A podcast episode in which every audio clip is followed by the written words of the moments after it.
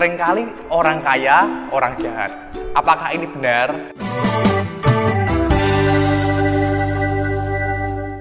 Halo guys, kembali lagi dengan saya Erik Kanadi. Hari ini kita akan memulai sesi tanya jawab.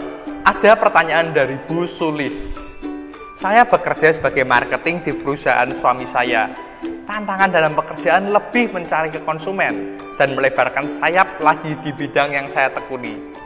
Pertanyaannya, bagaimana cara sukses berbisnis dengan omset wow? Ini pertanyaan yang sangat bagus sekali. Seringkali jika kita menonton film-film Indonesia, sinetron-sinetron Indonesia, sering kali di sana itu orang kayanya digambarkan sebagai orang yang jahat. Jarang sekali orang kaya itu orang yang baik, bahkan jadi pemeran utamanya itu sangat jarang. Seringkali orang kaya, orang jahat. Apakah ini benar? Menurut Erik ini kurang tepat. Mengapa? Karena untuk menjadi orang yang berhasil, untuk menjadi orang yang kaya raya, untuk menjadi orang yang sukses, kita membutuhkan sikap yang baik. Kita membutuhkan attitude. Ada orang yang berkata, your attitude will determine your altitude. Sikap Anda akan menentukan ketinggian Anda. Oleh sebab itu, cara untuk memiliki omset yang wow, yang sangat wow, sangat luar biasa adalah dengan memiliki sikap yang benar dalam hati kita, dengan memiliki karakter-karakter yang bagus. Banyak sekali orang berkata, wah kalau saya jadi orang kaya pasti saya bisa memiliki karakter yang bagus.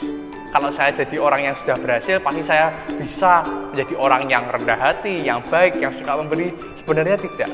Justru sebaliknya, sebelum kita bisa menjadi orang yang berhasil, kaya raya dengan omset yang wow, kita harus menjadi seperti orang itu tersebut kita harus memiliki sikap-sikap itu tersebut, sikap-sikap yang baik. Kita harus memiliki karakter-karakter yang dapat menarik kekayaan tersebut dalam hidup kita. Dan dari semua sikap-sikap yang ada, dari semua karakter-karakter yang ada, salah satu sikap yang paling penting adalah kerendahan hati.